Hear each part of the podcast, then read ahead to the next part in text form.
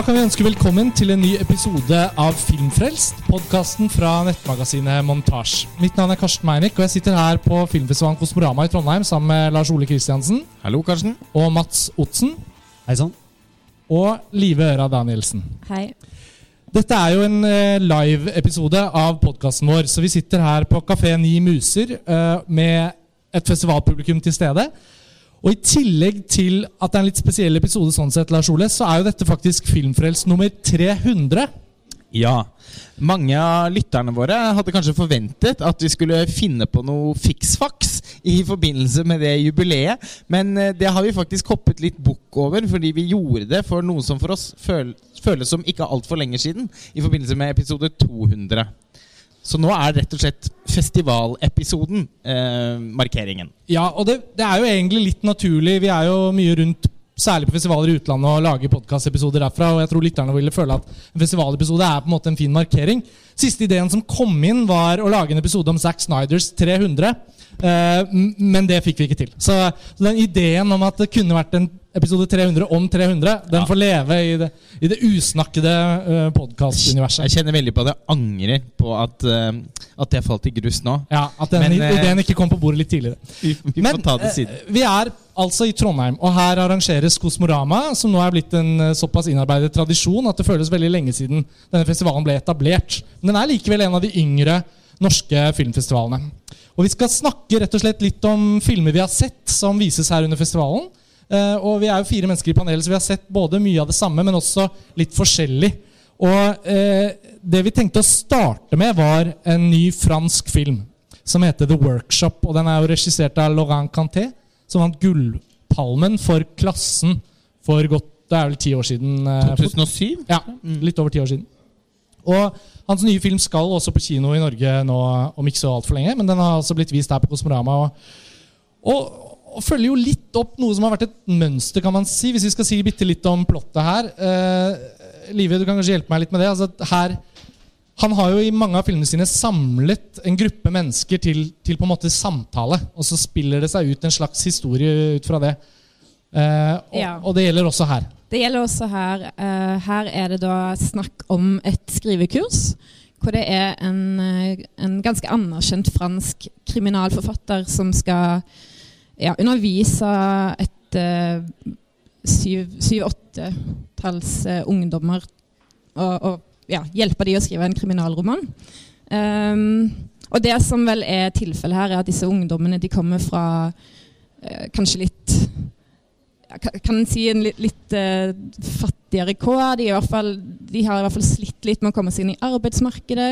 Og allerede der så berører jo Kantett noe han har berørt veldig mye tidligere, som er liksom klasseproblematikk og, og uh, ja, ar arbeid og arbeidere i Frankrike. Mm. Um, ja, så er det da denne, dette skrivekurset som uh, vi følger. Uh, litt sånn i kjent kantettstil, at vi sitter og blir med liksom i grupper sine samtaler, og at det, det utvikler seg en del friksjoner, det er mye hva skal jeg si, uenighet, det blir politiske debatter. Uh, og så kulminerer det jo mot slutten, men jeg vet ikke om vi skal snakke om det helt ennå. Nei, vi kan jo uh, Men vi kan uansett peke på det faktum at i klassen, som han vant Gullpannen for, så, så var det jo et portrett av uh, de diskusjonene og motsetningene som befant seg i dette klasserommet. Og det var jo Noe av filmens styrke var jo også det at han destillerte det ned til ett rom. Og jeg husker Lars Ole etter at vi så 'Himmelen over Havana', hans forrige film i Tromsø. Eh, eh, jeg måtte holde meg litt tilbake, for jeg skulle intervjue han, men, men det, men det skinte vel igjennom at det ikke var kanskje vår Canté-favoritt. Nei, altså, da- da følte jeg at vi hadde mistet en filmskaper. ja, for det var jo en gruppe venner da som hadde samlet seg på et tak over Havana for å snakke litt om, om, sitt, sine, om den politiske situasjonen på Cuba, men også historikk seg imellom i sitt vennskap. Den føltes veldig konstruert og påtatt. Så det er jo noe med at dette premisset som Kanté bruker av forskjellige filmer, det, det har jo noe liksom sårbart over seg også. Vi merket i hvert fall i den filmen at det fungerte veldig dårlig. Ja, Den var jo nesten som en sånn språkvideo fra 90-tallet. Eh, helt eh, usebar. Eh, denne nye filmen er heldigvis mange hakk eh, bedre, men eh, jeg sliter kanskje litt med at han Jeg ser fascinasjonen hans for å lage sånne konstruerte mikrokosmos, altså sånn som skal speile samfunnet. Eh, og denne gruppen eh, med unge folk her er veldig et sånt et påtakelig tverrsnitt. Eh, hvor alle har en stemme som representerer en bestemt type bakgrunn eller personlighet. Eh, de møtes jo da for å sammen forsøksvis på en måte skrive Det er bare for øvelsens skyld da en kriminalroman med en eh, får vi inntrykk av anerkjent eh, krimforfatter. Og det er noe med den settingen og måten samtalene eh, Tvinges frem på. ja, rett, eksakt. I, I de første 20 minuttene i hvert fall av filmen som jeg, som jeg hadde litt vanskelig for. Rett og slett fordi jeg har opplevd at det var så innmari tenkt og skrevet Altså. Jeg føler at det er en veldig voksen eh, person med kloke tanker som putter ordene inn i munnen på rollefigurene. Det var liksom ingen av samtalene som vokste fram av seg selv. Mats, for å trekke inn deg her også. så Dette er jo ikke bare et, et drama da, med et premiss her som, som er slik vi beskriver det, men det er jo også en film som litt sånn byt, bytter jo stemning underveis her. Hvordan opplevde du The Workshop? Jeg kan jo egentlig fortsette fra det Lars Ole sa. Mitt problem med workshop er jo rett og slett det at eh, det blir så oppkonstruert. Og det virker for det første som det er veldig, ting blir veldig skrevet. Men også som det er en sånn slags checklist på at ok, vi må passe på å få med religion som et element her. Passe på å få med klasse. Det nedlagte skipsverftet og liksom moderne Frankrike. Få med, ja, få med problematikk med høyreekstremisme, radikalitet osv. Vi må ha med alt det. Men den er jo mest interessant når den går mer imot på en måte en slags thrilleraktig eller psykologiserende eh, greie, om jeg skal si det sånn. Men så gjør den ikke det nok, for at den er så opptatt av å få med alle elementer. Så jeg syns den blir litt hul, eller at den har noe interessante Den setter opp noen interessante retninger, og så følger den ikke ordentlig opp. Eller i hvert fall ikke helhetlig nok, syns jeg. Ja, altså samtidig så Jeg ble litt nysgjerrig, for jeg, jeg opplevde at det var en film jeg ikke, hvor jeg ikke ble helt klok på rollefigurene, selv om de er veldig eh, hva skal jeg si, skjematisk skrevet, da, en del av de. Men selve han her, det, det er en ung gutt som utpeker seg ganske tidlig. Han, han heter Antoine, og så er han liksom den stille i gruppa. Eh, han er hvit, han, eh, han sier ingenting, og så reiser han seg en dag og leser et sånt manus han har skrevet da, som en del av eh, kurset. eh, som er en eh, ganske godt skrevet, men ganske brutal, eller veldig brutal, beskrivelse av en sånn massakre som foregår på havna. For at filmen utspiller seg i en liten by nær Marseille. En, en litt sånn by som nok har litt ramma litt av krisen, kan du si. Sånn nedlagt eh, havne... Uh, ja havnebusiness, på en måte. Ja. Men um, uh, og, han, og det er noe sånt altså, Filmen konsentrerer seg mer og mer om han. Han, han, har, han er åpenbart en av disse uh, unge guttene som sitter mye hjemme, spiller mye dataspill, snakker veldig lite. Vi kjenner jo òg den, uh, ja, den figuren. But, ja. Altså, det er vanskelig å ikke tenke at Kanté og mannsfatteren har liksom hatt Breivik-typen bak øret og tenkt at vi skal insinuere at det fins potensiell eh, eh, hvit ekstremistisk radikalisme bak denne figuren. Og så Ja. spiller de på det når den vrir seg over mot en thriller. Ja, han er liksom en sint ung mann. da. Men så handler jo veldig mye om filmen om å sette ord på ting. Selv om jeg vet ikke helt hvorfor det måtte være en kriminalroman, som var liksom det de skulle løse her. Men, men det er likevel noe med det maktforholdet som ligger mellom skrivelæreren, som liksom òg blir framhevet ved at hun er liksom litt sånn snobbete. Hun fra Paris. Hun har en del sånne kvaliteter som hun blir litt tatt på. Um, men det er jo òg et forsøk på at disse ungdommene skal sette ord på det. Og det er jo um, kanskje det som jeg vet ikke, Der var det noe litt spennende. Da, for det, det er jo veldig mye, Han har veldig mye aggresjon i seg. helt åpenbart. Han leker litt med sånn her høyreekstremisme og en del sånne ting. Eh, og mot slutten så er det vel en slags sånn oppfyllelse av det. da, Mm. For ikke å avsløre for mye. Men, men hvor eh, eh, hvor kanskje liksom ordene tar plassen til volden, eller noe sånt. Mm. Det var i hvert fall noe der som jeg synes var litt interessant, selv om jeg ikke helt er sikker på om jeg synes det var så vellykka. Ja, jeg er enig, og, for å oppsummere så føler jeg jo at uh, The Workshop tror jeg for alle er en film som i det minste i hvert fall har en stigende kurve. Eh, selv om den kanskje føles som den tråkker i litt sånn eh, konvensjonelt og konstruert terreng i starten. Den er jo da skrevet av en eh, manusforfatter i samarbeid med Laurent Cantet, som eh, har regissert eh, en annen film som vises på Kosmorama, og som, gjorde, som fikk veldig god mottakelse i Cannes i fjor, nemlig 120 slag i minuttet. Mm. Som også ganske snart har norsk kinopremiere. Ja, Det føles naturlig. Vi kan gjøre oss unna med noe av det franske. Det blir jo en del fransk i løpet av denne podkasten, faktisk, fordi det, det er mye fransk film på programmet. Men, men den 120 BPM, som den heter internasjonalt, 120 slag i minuttet, den uh, var jo, i motsetning til Canté, som var i Un certain regard uh, i Cannes i fjor, så var jo Robin Campillos film i hovedkonkurransen faktisk, og har vært en av de store festivalfavorittene siden fjorårets Cannes. Så den er jo ikke den er jo ikke kommet på norske kinoer ennå, men det er jo meningen at den skal komme snart. den har bare vært i hele festivalløypa først, og nå på Kosmorama.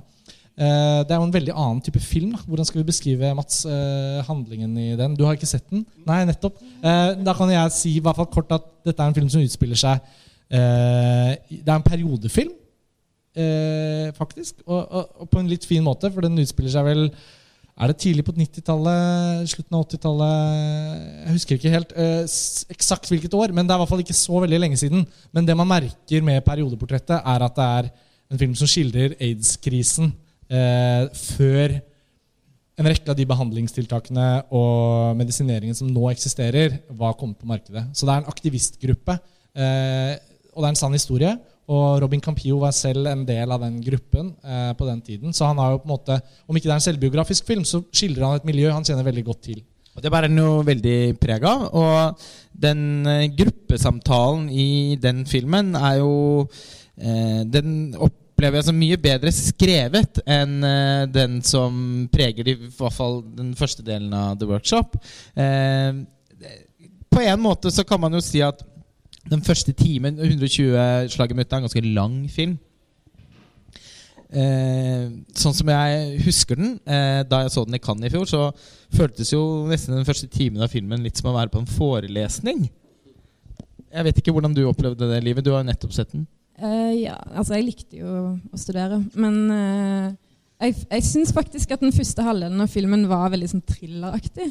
Uh, selv om det var i stor grad inne på det her forelesningsrommet. Og de satt, jeg fikk litt sånn vondt av de, De sitter der inne, og du, du føler at lufta er veldig sånn her trykka, og, de, og be, klokka begynner å nærme seg midnatt, og de, de kjemper for en, en, en, helt forferdelig ja, sak da, som, mm. som ikke løser seg. Um, men det er noe med tempoet som jeg syns er veldig sånn Det går veldig fort framover. Det er liksom nye aksjoner. Um, og, og, ja, så Den første halvdelen synes jeg der var tempoet veldig høyt. Og så, og så skjer det jo en vending da, mot midten, vil jeg si.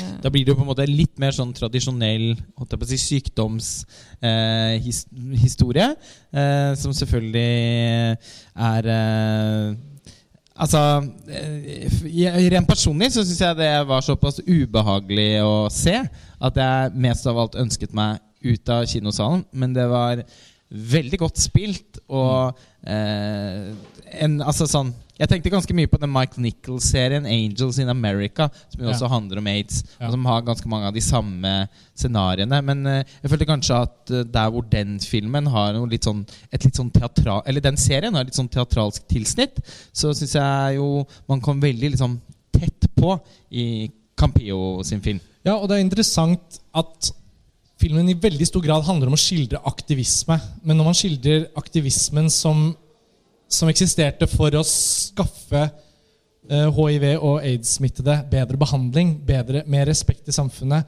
Eh, det handler jo veldig mye om legemiddelindustrien og hele maskineriet som ligger bak, hvordan forskjellige medisiner godkjennes eller ikke godkjennes, hvem som får tilgang på eksperimentell behandling og sånn. Men pga. at hiv og aids er så preget av at døden hviler over alle, og mange i denne gruppen, mange av uh, rollefigurene er jo selv smittet og vet at de, de, de går en de går ikke en kur i møte. da.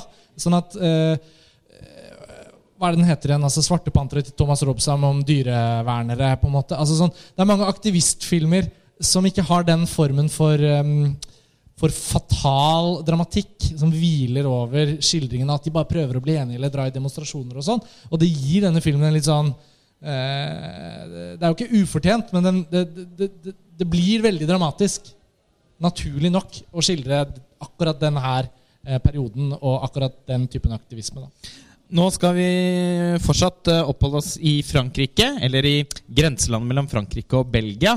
eh, og snakke litt om en film som for de tre av oss som har sett den, i alle fall er et opplagt høydepunkt eh, så langt under festivalen. Ja, og nå, og nå skal jeg innta den herlige rollen som lytter, for jeg er jo den som da ikke har sett filmen. Kanskje jeg kan få gleden av å si tittelen og navnet på regissørene? Gjerne det. Um, det er da en film som heter Let the Corpses Tan på engelsk. Uh, dere må gjerne spe på med den franske tittelen underveis. hvis dere, hvis dere husker den.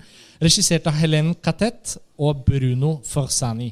Og eh, Dere har jo alle sett den her eh, på Kosmorama. Eh, 120 BPM som vi akkurat snakket om, var jo en film jeg så i Cannes. Så jeg har ikke sett den igjen denne uken, eksempel, Men dette er jo et ferskt, eh, veldig sånn blodferskt eh, stykke film. Fortell. Altså, denne duoen eh, De er jo også et ektepar, eh, og de har laget film sammen i mange år. De er franske, men bor i Belgia og produserer filmer som er fransk-belgiske.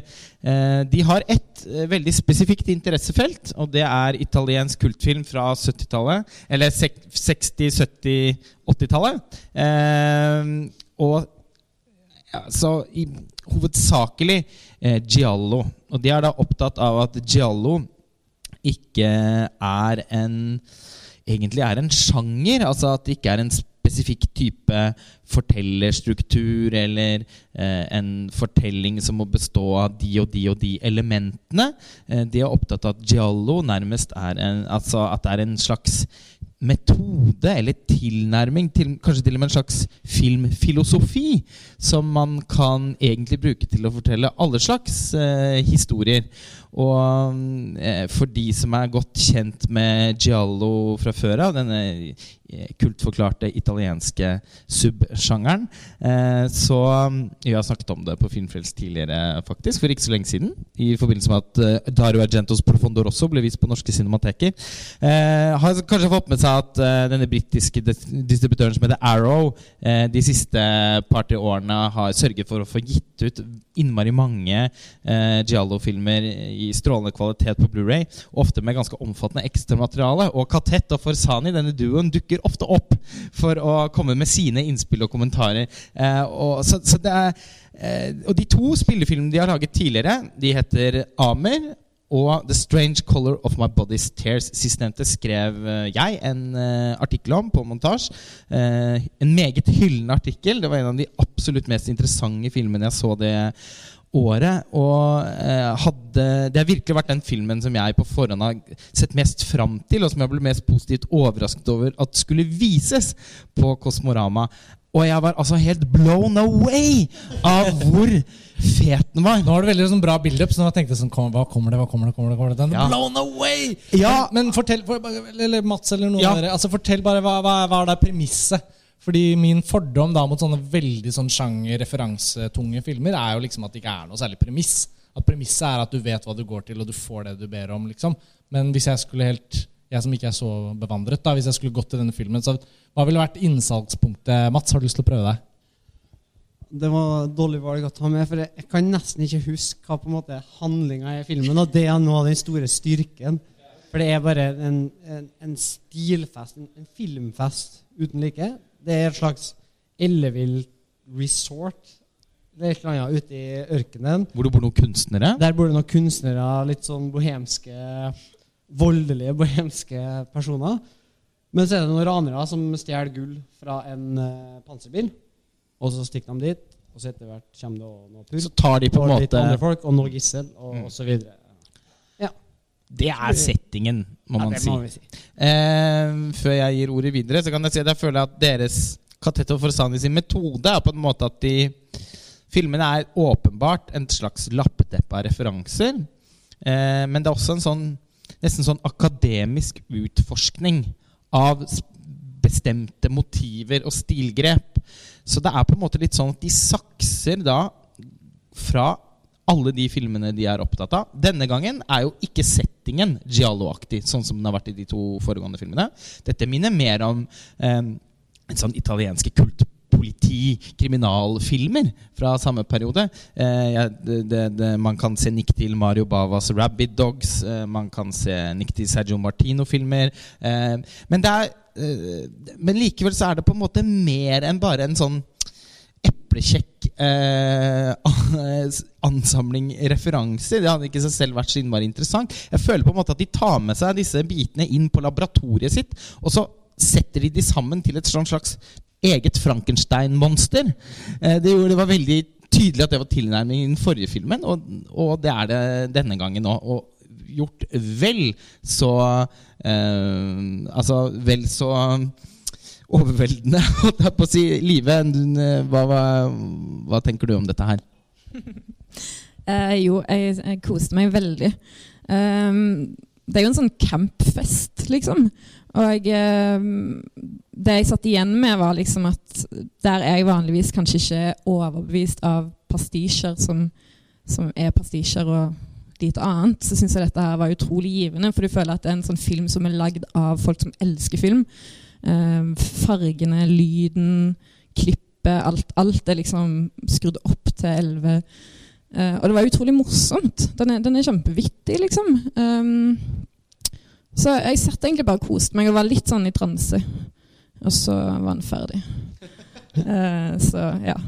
Men jeg vil jo si det at jo, det er en god del koselig bad taste der, men, men med utrolig teknisk kompetanse. Ja, det, og med, det ser ut som det er et produksjonsbudsjett som er mye større enn det det sannsynligvis er. Ja. Og, jeg kan ikke fatte og begripe hvordan de kan lage en film som ser så fet og så dyr ut. Det er en sånn limousin av en film eh, for åpenbart lite penger. Fordi dette er altfor eksperimentelt eh, til å kunne appellere til eh, annet enn vel, et veldig spe spesifikt publikum. Og så det er helt opplagt på en måte at de kan ikke ha hatt så innmari mange penger i, i, i skattkisten sin. Men ja, ja, altså, det, det, er så rart, for de er på en måte Jeg føler jo at de kommer fra et sted hvor de egentlig bare er filmnerds.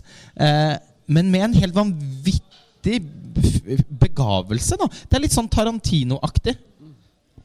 Absolutt. og det, Du kan se det i på en måte alle ting i cinematografien. Det er fantastisk, og klippinga. Men jeg tror det aller mest merke til at det, det er en av de feiteste lyddesigna jeg har sett på film på flere år. Du hører lyden av skinn. Det bare gnirkende lær og skinn. Inn, altså, og av kjøtt og av kropp. Og Sigaretter som tennes.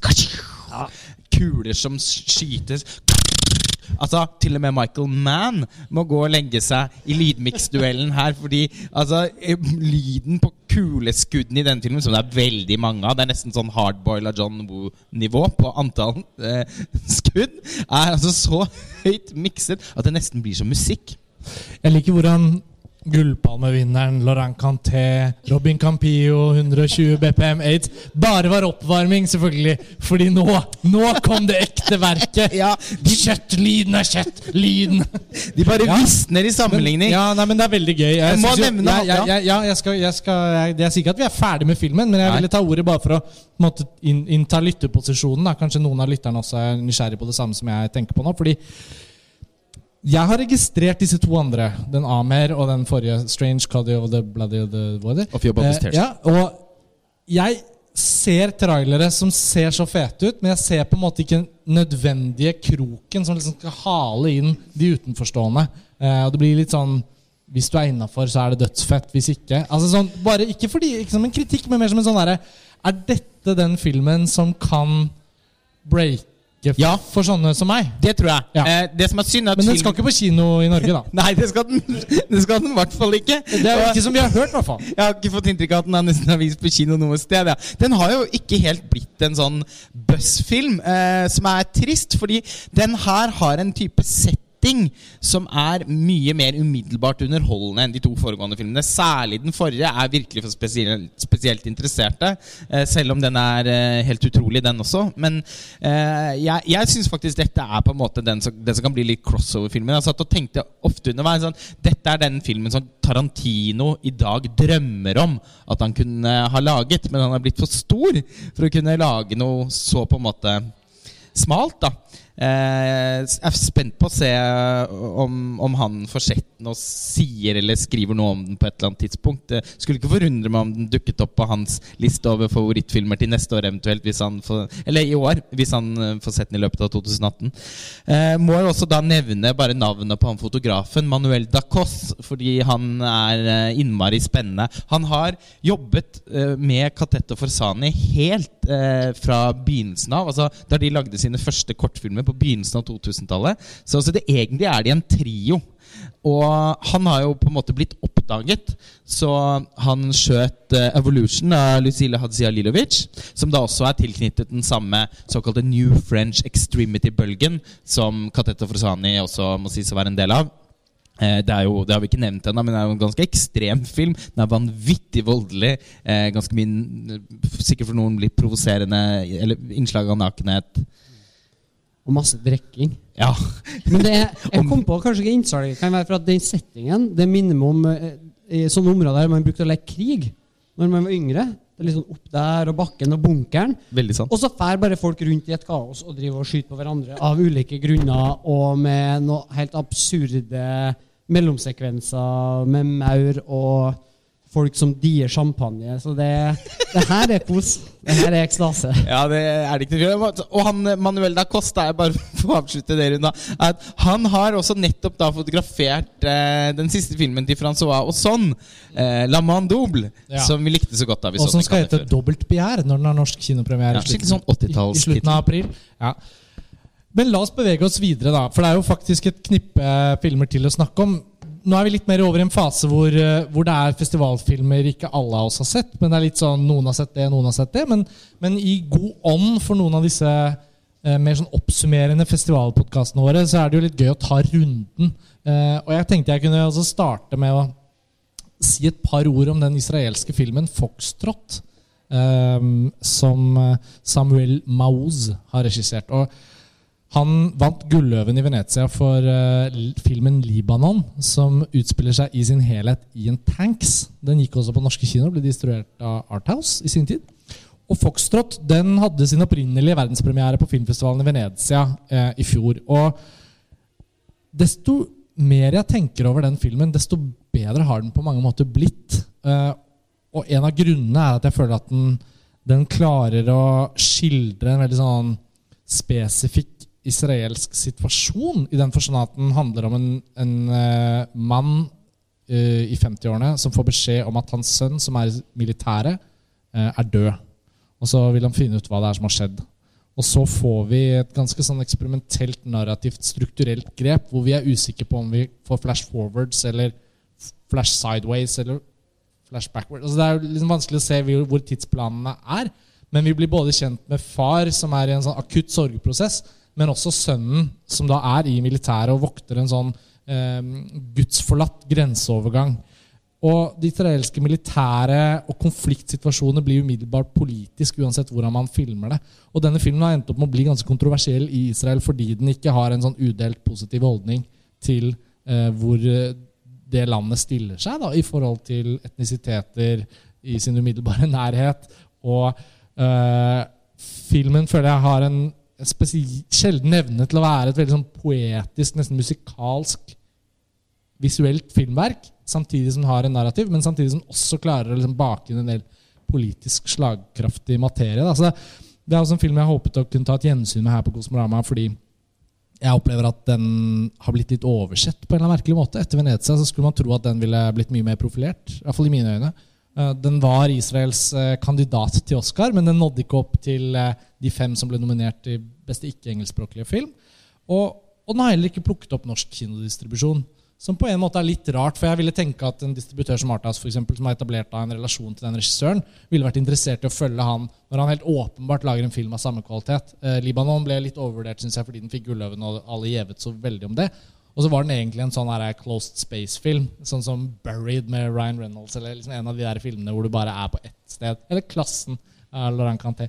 Men um, jeg vet at jeg var den eneste i panelet som egentlig har sett hele filmen, så da, da tenkte jeg at jeg bare kunne skyte inn eh, litt grann om den før vi går videre. Men jeg må bare skyte inn at der, der gikk du egentlig, men i obskur, da. eh, Glipp av en veldig fin Segway. Fordi det er vel Samuel Mao som har laga filmen 'Gunsbog'.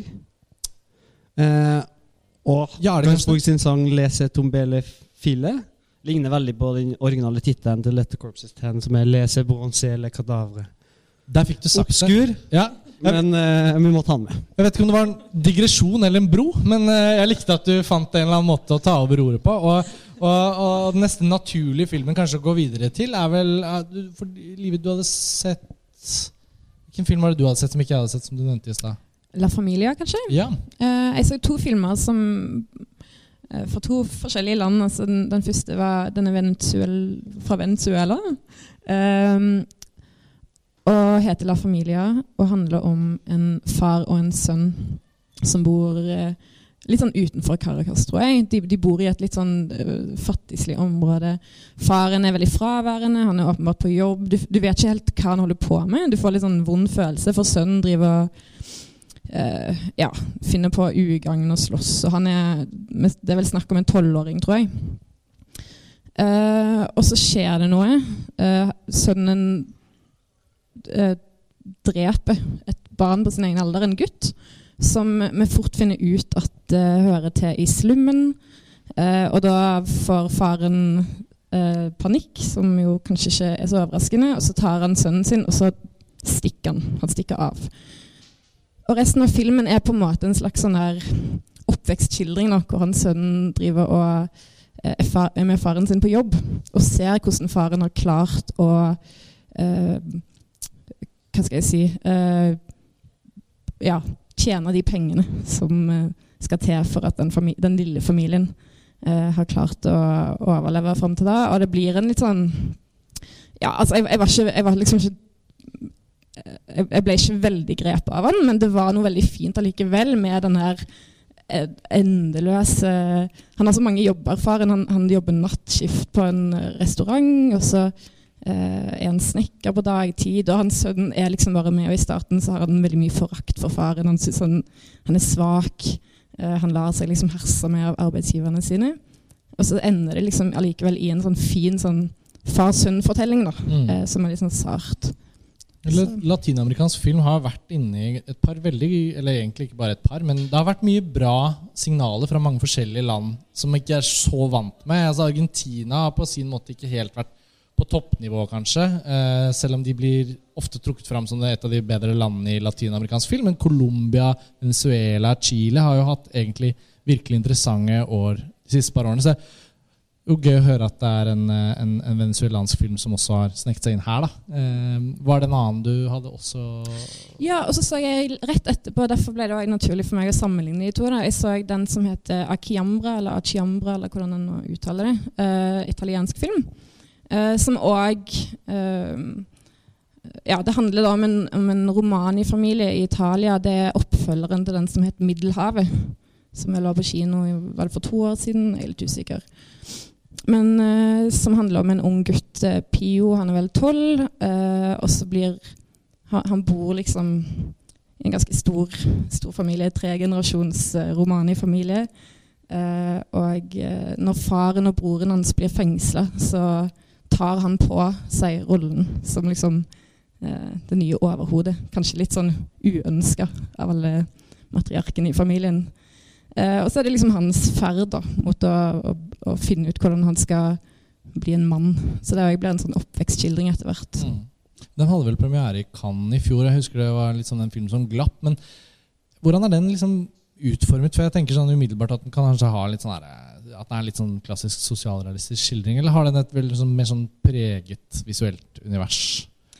Eh, det er litt sånn neorealistisk på et vis. Um, det som er, jo at den, den har ikke en veldig klar struktur.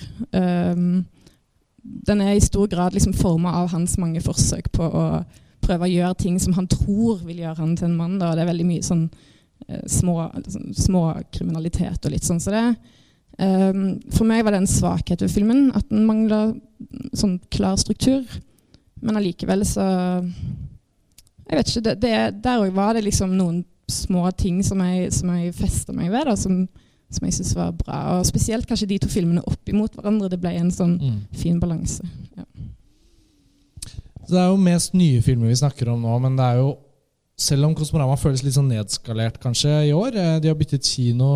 Trondheim kino feirer 100-årsjubileet sitt. Så nå er vi på Prinsen kino og ser film. Eh, tidligere har det vært Nova. Eh, men de har også funnet plass til et Ingvar Bergman-retrospektiv underveis på festivalen, som på en måte er jo et, et, et nå nesten helt opplagt valg eh, i dette vårslippet av festival og arthouse-film frem mot sommeren. Og så skjer 100-årsjubileet til Ingmar Bergman eh, 14.07. 100-årsjubileet for hans fødsel. Så jeg benyttet ettermiddagen i dag til å gå og se 'Gyklornas afton' på nydelig restaurert kopi, som den svenske Filminstituttet selvfølgelig nå har holdt på med sikkert i hele fjor. Så intensivt restaurerte de det som ikke var restaurert, eh, for å ha digitale kopier klare da, til sikkert jeg vet at det foregår et enormt retrospektiv i London, på BFI. også Cinematekene rundt omkring i Norge skal også ha mye visninger. Og sånn. Og det var Cinemateket i Trondheim som nå viste 'Yklernes aften' da, i forbindelse med Kosmorama. Det er jo flere andre Bergman-filmer som vises her også. Det er eh, så innmari mange år siden jeg har sett 'Hyklernes Aften, afton', men eh, den er jo bemerkelsesverdig fordi det er den første filmen hvor Sven Nyquist bidrar som jeg husker ikke om han, ja, for han er ikke alenefotograf på den, men så blir han jo Bergmans faste fotograf på, fra og med Jomfrukjelland, som du også nettopp hadde et gjensyn med. Ja, ja, ja. Hvordan var Nyquist? For jeg må innrømme at det minnet er litt tilsløret for meg. Nei, altså det er jo Hva var Nyquist-faktoren med med og afton? Ja, altså Det er jo ingen hemmelighet at, uh, at vi, vi er på vei inn i en sånn skikkelig tung Bergman-sesong. Jeg tror alle som bryr seg og som har lyst, får jo nå disse mange vinduer og anledninger til å gå tilbake til Bergman, eller eventuelt gå til de Bergman-filmene man ikke har sett. Jeg har mange Bergman-filmer som fortsatt står uåpnet på hylla, eller som på en eller annen grunn er sånn litt sånn subversiv, halvukjent Bergman som jeg har fått høre f.eks. fra deg, Lars Ole. At den må du se, eller den må du se. Så liksom, så jeg føler jeg er på vei inn i sesongen. da. Jeg føler jeg har fått en god start Ja. eh, med to av disse, Jomfrukjelland og, og Yklernes afton. Altså, det, det innlysende trengs ikke å sies, men det som jeg alltid har likt med denne filmen, eh, det er at den har en sånn veldig fin eh, miljøskildring. eller merkelig Altså Jeg føler jo også at noe av det som preger Jungfrukjelland, er en sånn naturalistisk innfallsvinkel til hvordan han kan bruke da i den filmen eh, skogen og naturen. Så nesten Ja, ja, ja, veldig. Og det føles veldig som en sånn merkelig forløper til Ronny Røverdatter, uten at den er det. Så, så føler jeg Jo, en sånn Litt annen sånn ja, twist. ja. De inspirerte jo uh, The Last House on the Left of West Craven. Den er ikke så mye til felles med Ronny Heldigvis blir ikke Ronny Røverdatter overfalt og drept og voldtatt i skogen, for å si det sånn. Men eh, parallellen er at Svein Nyquist jeg tror også må ha bidratt på Yklernes afton til å gjøre hele den sirkustroppens ankomst, hele det Ja, for det er noe. Fellini-aktig nesten over Ja. den filmen. ikke sant? Det er Ja, og, og en av de første Og han har jo laget filmer om magikere også. Ikke sant? Ansiktet. Absolutt, Mm. men, men ikke minst er det jo teatret. Og egentlig liksom teatrets klasseskiller. Så er, er sirkusartistene kunstnere, eller er de, eh, utfører de kunstner? Som han eh, forferdelig usympatiske teaterdirektøren i den byen hvor de kommer til, eh, klarer å si. da. Eh, så det, det var et veldig flott gjensyn med den, og den, den var veldig skarp. Og, og, og man blir jo man blir jo helt slått i bakken over hvor sofistikert den filmen er. Jeg tenker sånn, Det er lenge siden jeg har sett en ny nordisk film, uansett land, som er så eh, Ta begge disse Bergman-filmene, da, eh, 'Jungfrukjelland' og 'Yklernes afton'. Sånn, det er jo ikke engang Bergmans mest kjente mesterverk. liksom. Det er jo hans kanskje tiende og tolvte beste film for mange. Og selv de er bare helt sånn Jeg blir helt blown away. Apropos at du ble blown away i stad, Lars av hvor bra det er hele veien. Plutselig i et rom så er det en vanlig dialogscene, men fullt av speil og motiver rundt omkring i scenografien. Kameraet er først helt stillestående i et nærbilde, og så en liten bevegelse, og så er vi et toskudd. Og så en liten bevegelse inn på noe annet. og så er vi sånn. Det er bare så sofistikert hele veien, og manuset er også uh, veldig veldig bra i denne filmen. Ja, Hver eneste replikk føles klok og smart. Så ja. Det var høydepunkt for meg, da. Det slår ikke feil å oppsøke Bergman, for å si det sånn, på Kosmorama. Nei, eh, jeg angrer bittert på at jeg ikke i dag At jeg prioriterte en ny film istedenfor å ta et gjensyn jeg har sett så mange ganger, da, men med scener fra et ekteskap. Fordi eh, jeg har nå fått høre at eh, Liv Ullmann dukket opp og hadde en visstnok svært gripende introduksjon, og satt selv i salen og så hele serien. Så ja, eh, om jeg fikk den store juleribba med, med Let the Corpses Tan, så har jeg ikke hatt sånn griseflaks ellers. Eh, For det har jo vært et par dårlige filmer òg. ja, det, man må jo nevne det òg. Jeg så en, et sånt Sundance, komplett Sundance-mareritt. Jeg vet ikke om den konkurrerte i Sundance, men det er en sånn type film som heter Please Stand By. Du mener sjangeren Sundance-mareritt? Ikke, ikke at den faktisk var et mareritt i Sundance? Nei. Amerikansk indie på sitt verste. Fortell. Ja, eh, med Dakota Fanning og Tony Collette. Eh, og det er en sånn type, sånn type amerikansk indiefilm hvor eh, psykisk syke personer fremstilles som litt sånn artige moroklumper som sorterer M&M'sene i forskjellige farger før de spiser dem. Det skjer ikke i filmen, men det kunne ha skjedd. Og, som hadde, og, og hvor hovedkarakteren i forsøksvis ok spilt av Dakota Fanning, som er en talentfull skuespiller, men som av en eller annen merkelig grunn velger så kjipe prosjekter Mm. sammenlignet med lillesøsteren sin, Elle Fanning, som har blitt en mye større stjerne. Um, og, og hun er selvfølgelig altså, ja, Hun er sånn Star Trek eh, Hun ser bare på Star Trek hele tiden og kan på, liksom, på rams alle, Star Trek, alle replikker fra alle Star Trek-episoder noensinne!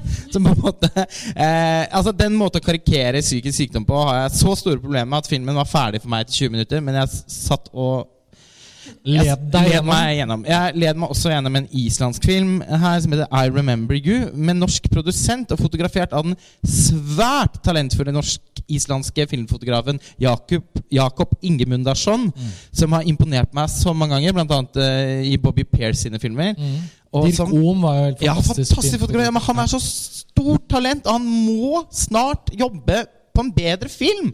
Altså, han, han, Noen må plukke opp han internasjonalt og gi han et skikkelig prosjekt. For Filmen er sinnssykt flott å se på, men den hadde et så underlig eh, det, er en det er en grøsser eh, som for meg i hvert fall virkelig ikke fungerte. Det ble så mange underlige innslag. Eh, dårlig historiefortelling, rett og slett. Eh, med Jeg gidder ikke å engang forsøke å komme inn på hva den handlet om. Men den er også sånn eh, Det er akkurat som filmskaperne etter hvert også liksom går tom for De har ikke valgt noen strategi for hvordan de skal fortelle historien. Etter hvert så blir det sånn eh, noen helt sånn uprovoserte innslag av jump scares og gore og Det var i og for seg fascinerende å se på. Jeg, var ikke, jeg kjedet meg ikke så mye gjennom den. Jeg syns den var eh, relativt underholdende å overvære, men eh, umulig å anbefale. Eh, Mats, har du hatt noen sånne kriseopplevelser til nå på festivalen som, som kan være litt gøy å trekke fram? Nei, faktisk ikke. Ingen krise. Jeg, så en film som er veldig blanda til, men som kanskje er interessant å bare nevne, som har den fantastiske tittelen 'Find this dumb little bitch and throw her into a river'. En nederlandsk film som eh, basert på en sann historie om eh, et nederlandsk søskenpar som filma at de driver og kaster noen kvalper, levende kvalper, ut i ei elv. Og som ble en sånn internettfenomen der de jakta ned hun jenta til slutt de fant ut hvem hun var. Eh, det interessante med filmen er at den er veldig typisk i mye av delene med å liksom gi oss sympati for det søskenparet. Eh, og veldig sånn varmt filmspråk. Men så går den plutselig iskald. Og da ble den virkelig interessant, så jeg skulle ønske den fortsatte mer i den stilen. Men, men eh, absolutt en lovende Jeg vet ikke om det er debutfilm, men det er iallfall en av de tidlige filmene til Ben Brann, tror jeg heter. Han som laget den. Jeg vet ikke om han er nederlender eller amerikaner. Den vises i morgen, så den jeg. eh, fikk jeg i hvert fall umiddelbart lyst til å se bare av den korte beskrivelsen der. Jeg tror noe av det som gjenstår, som jeg kunne hatt lyst til å bare si en par ord om, er den komedien 'The Death of Stalin'. Er det noen andre som har sett den? Ja? Live? Ja. Ja. Altså, eh, Armando Ioannucci. Mats, du har også sett den? Ja. Em, han ha, Jeg har sansen for han. Eh, jeg har sett en del av den In the Thick of It. Og hva het den eh, amerikanske In the, in the Loop. In the Loop, selvfølgelig. Ja, Den syns jeg var bra. veldig bra. Det er nok det beste jeg har sett av det han har laget. Eh, og her er det, dette, bare for å si kort altså Dette er da en periodefilm fra det øyeblikket hvor Stalin dør, og hele apparatet rundt ham i Sovjetunionen eh, scrambler, for å bruke et engelsk ord, situasjonen og tenker ok, eh, nå har liksom Josef Stalin dødd, hva gjør vi? Altså Skal vi si at han er død? Skal vi ikke si at han er død? Hvem er det som kommer til å ta over makten? Hvem av, hvem av oss blir det? Eh, venner blir fiender, fiender blir venner, etc., etc. Og parallelt med å være en humoristisk sånn eh, veldig sånn joke-basert satire, så er den også en veldig sånn tidvis veldig voldelig på en måte sånn Som vi leser om når, når de store lederne dør, og det blir et sånn maktvakuum, og, og folk begynner å drepe hverandre og forgifte hverandre. altså sånn, Du føler liksom at den på en måte både er en sånn film, men også en sånn situasjonskomikkfilm. Jeg ble litt sånn satt på gjerdet, må jeg innrømme, av, av, av det den filmen jeg prøvde på. Jeg er nok litt på gjerdet også. Jeg, jeg er jo faktisk veldig interessert i russisk historie, da, så det henger kanskje sammen når du liksom ser. Khrusjtsjov og, og Beria, Malenkov og Molotov. Ja, Så for den- for maktkrigen etterpå der. Ja, For den tok det jo for gitt at vi skulle henge oss på veldig mange av disse bifigurene som jeg tenkte sånn eh, Jeg har jo ikke lyst til å avbryte filmen med å sitte og google dem opp, men jeg blir jo dritnysgjerrig på om det er noe mer bak her som jeg burde forstått. Fordi det var mye jeg ikke syntes var så morsomt, f.eks. Ja, men Det er ikke nødvendigvis at man trenger å forstå så mye mer, men det, det, det er morsomme parodier på dem. Men, men det svake med film For jeg, jeg syns den var ganske morsom. Jeg, jeg lo en del.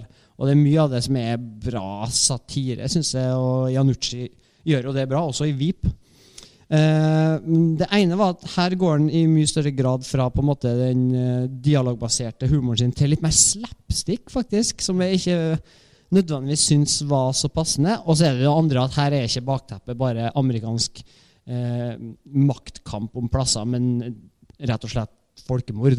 Mm. Og da blir det litt mer bittersøtt med Ja, altså- latterliggjøring, eller kan kalle det ufarliggjøring, da, sjøl om jeg ikke mener det er det. Så Var det ikke Chaplin som ja. sa sånn Livet er en tragedie i nærbildet og en komedie i totalbildet. Altså, det er et eller annet sånt, jeg visste ikke, Nå parafraserer jeg litt, men, men det er, dette er en film som veldig lever opp til det. da At når de store bildene av gruppen som står rundt et bord som skal prøve å finne ut hvordan han skal begraves, eller hvordan vi skal gjøre det, hvordan skal vi gjøre det med, med barna hans håpløse, sånn, så blir det veldig komisk.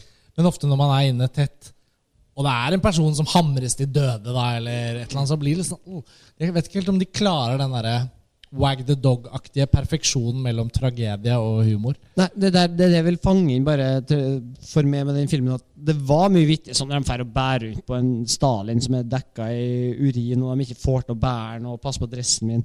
Det, det kan jeg takle. Men når det på en måte ble gjort humor av at eh, eh, det hemmelige politiet måtte skyte ned 1500 som Khrusjtsjov sendte inn, som er sant, eh, men det ble tatt Jeg syns det ble tatt for lett på. Eh, naturlig i en sånn type film. Da kunne de unngått å tatt det med, egentlig. Ja, jeg vet ikke om jeg har så mye å tilføye, egentlig, men, men jeg så på det som en ren farse. Liksom. Jeg, så, jeg så ikke på det som et forsøk på å gi noe sånn korrekt historisk gjengivelse. Jeg, føl, jeg følte at det var et uh, sleivspark til Putin, liksom. Og at det var liksom det det politiske prosjektet her. At uh, Se, vi pisser på historien deres, liksom. Um, eller alles historie, selvfølgelig. Um, ja, det, ja, det er mye slapstick. Det er veldig sånn billig humor. Jeg syns jeg, synes, jeg lo eh, en god del ganger. Jeg syns den var ganske vittig, men uh, uh, Ja. En farse, liksom. Og ikke så mye mer enn det.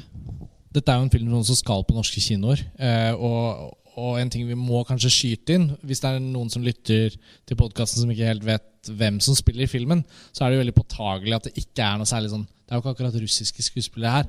Eh, det er veldig mange britiske og amerikanske kjente skuespillere som ikke gjør noe forsøk på eh, russisk dialekt og sånt. Og det er egentlig litt befriende. Det må jeg si det var noe jeg likte i filmen. Likte Steve, Steve. Buscemi, for eksempel, som bare klinker til på sånn uramerikansk uh, i sin rolle. Han er vel Er det Khrusjtsjov han spiller? Ja. Og, og Jeffrey Tambor, som vi nå har sett som, uh, som um, Altså, hva heter det? Transperson i uh, Transparent, for de som har sett den serien de siste par årene. Han er, Hva heter hans rollefigur? Eh, Malenkov. Ja, det er, ja. Og så har vi flere andre i, i birollegalleriet. Jason Isaacs dukker jo opp som general på et tidspunkt der. eh, som jeg bare forbinder med han uronde i The Patriot. Ja. Uh, det er en fantastisk han er i Harry rolle. Han er i Harry den Potter-serien nå. Den rollen var fantastisk. Ja. Så det er, det er, jeg vet ikke, jeg følte jeg, sånn, Ikke bare havnet jeg på gjerdet selv, men jeg følte også at filmen er veldig sånn Den, går, den liksom dypper foten i ganske mange forskjellige liksom, eh, kar da, av hva den kan være for en slags film. Jeg er usikker på om den egentlig lander en spesielt vellykket helhet. Ja, det vil jeg ned. Men, det- men jeg tror faktisk mange vil ha glede av den filmen. er altså, hvis vi mulig. tenker sånn anbefalingsmessig, så tror jeg mange vil Det var i hvert fall, de, var, de hadde det veldig gøy, de som var i den Ja. salen når jeg så filmen. Ja, men Det er bra, det er godt å høre. For meg er det nok litt sånn en bra film å se på et fly, men ok. Ja, For det var ikke noe filmatisk over den. Eh, Det har jeg ikke lyst til å grave dypere ned i. Um, vi nærmer oss jo slutten, for så vidt. Eh, Kosmorama Lars Ole, hvis vi skulle sagt eller liksom nærmet oss en litt mer sånn generell tone her på slutten Ja, nei, men jeg tenker at Vi er så ganske tidlig i festivalen. da. Vi er ikke halvveis engang. det er så det ja. gjenstår veldig mange filmer vi skal se. Vi kommer tilbake eh, Ja.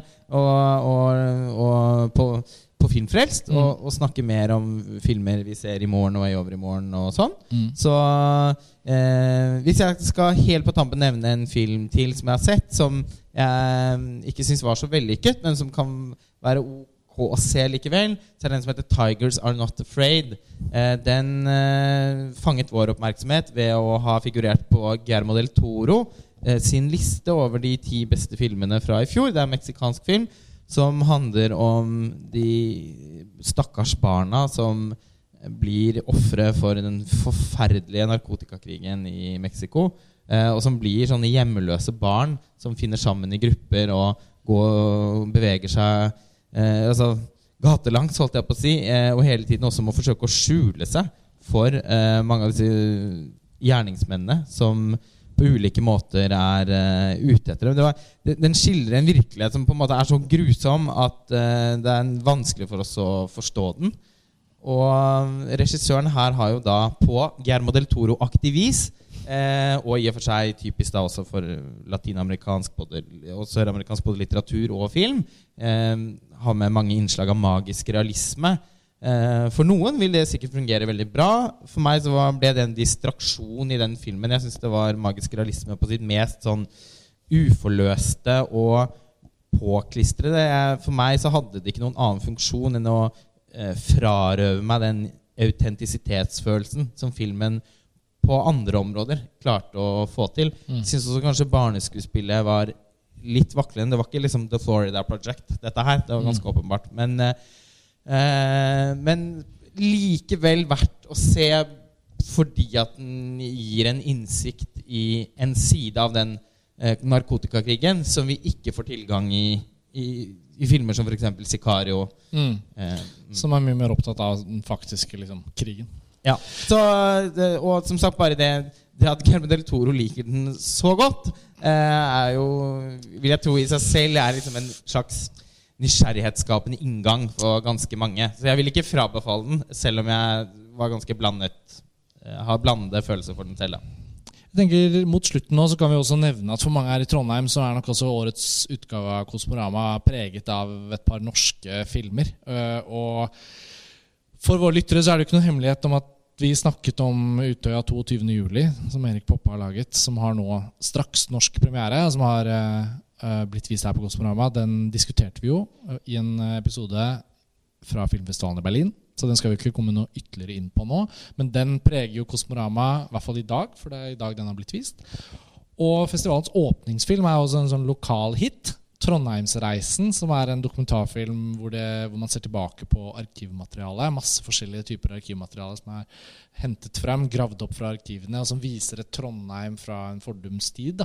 Eh, som sikkert for de som har et veldig nært forhold til byen, må være spesielt eh, herlig å få sett på det store lerretet. Den skal også ut på norske kinoer. og kommer til å bli dekket på montasje i analysenspalten vår etter hvert. Så den, den skal vi heller ikke diskutere nå. Men norsk film har jo vært et fokus for Kosmorama tidligere. Og i Ja, altså Særlig de siste årene så har det vært en greie her. ja, og, og så er det jo noe med Kanonprisen, som også er et, et anker i, i festivalens eh, helhetlige liksom, prosjekt. Og det er i morgen, da, hvor prisene for de beste filmene og filmprestasjonene og de filmfaglige innsatsene fra filmåret 2017 skal deles ut. Så det, det, det ligger jo også fargelegger festivallandskapet. Altså. Helt på tammen så må vi også da nevne den dokumentaren 'Røverdatter' av Det- ja, Sofia Haugan, seg, Ja, Eh, som du og jeg hadde gleden av å presentere på blått lerret eh, for- før jul. før jul.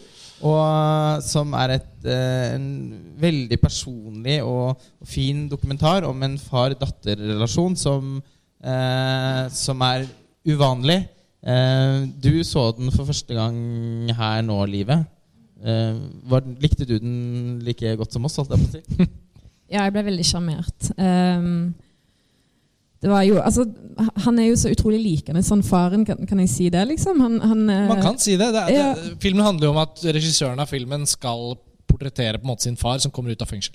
mm, Så han er jo en skikkelig røver. Han er en røver. Apropos tittel. Eh, og det er noe veldig fint med det forholdet de to imellom.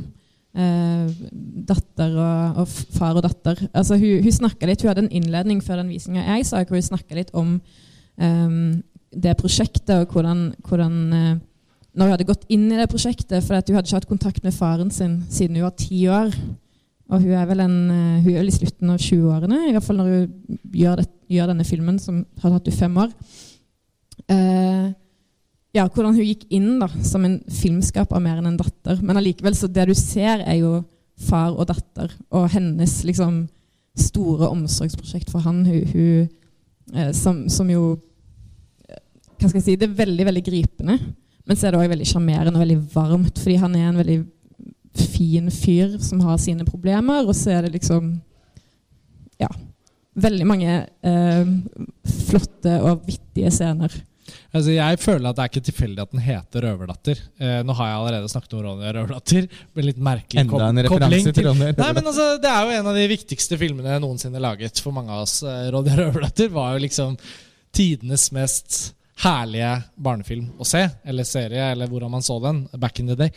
Men akkurat det ordet også, 'Røverdatter' Kjempegod tittel. Det, er- det er en veldig god tittel for denne dokumentarfilmen, fordi ikke minst fordi akkurat han faren i all sin sånn håpløse slasketehet Og han sliter jo med altså, Det er jo ikke bare det at han, Han er sitter- narkoman. Han er narkoman, så det er jo ikke det Jeg prøver ikke å øh, minske øh, dramatikken og alvoret i selve situasjonen. Det er en dokumentarfilm. Men det er en så perfekt tittel! For akkurat som du sier, Livet, så er det noe med at sjarmen i hans personlighet og relasjon, altså energien mellom far og datter, har noe til felles med både filmen 'Ronja Røverdatter', men også det det ordet liksom sender ut, som er sånn det er ikke en, Han er jo en kriminell, og han har et rusproblem, men det er noe med rø, det ordet 'røver' som har noe litt sånn det er noe litt sånn at han byr opp til dans, på en måte. I sin væremåte. Jo, men som filmen faktisk Det er en kvalitet ved filmen da, at jeg føler at den bidrar til å liksom bringe litt varme inn i det som kan bli et veldig sånn tragisk portrett. Og det, det tjener den filmen veldig på. Så, så det var en fin film å avslutte med, egentlig. Um, og få kommet litt inn på den. Skal også ut på norske kinoer etter hvert. Ok, det var denne episoden av Filmfrelst. Det var nummer 300. Lars Ole, Det ble ikke noe This Is Sparta, men uh, Nei, vi får ha Zack Snyders mesterverk eh, Ja. eh, til gode. Og vi kan betrygge lytterne med at vi skal raskt komme oss eh, til neste jubileumstall. Ja. Så det skal ikke bli Da så er vi ekstra motiverte for Ja, å lage så ja. mange Filmfrelseepisoder som mulig. Eh, eh, da vil jeg bare si Mats og Live, takk for at dere var med i denne episoden. Tusen takk. Takk for det. Og uh, takk til dere her i Trondheim som kom og hørte på live, og lytterne våre i det ganske land. Vi er straks tilbake med en ny episode. Uh, takk for denne gang, og ha det bra.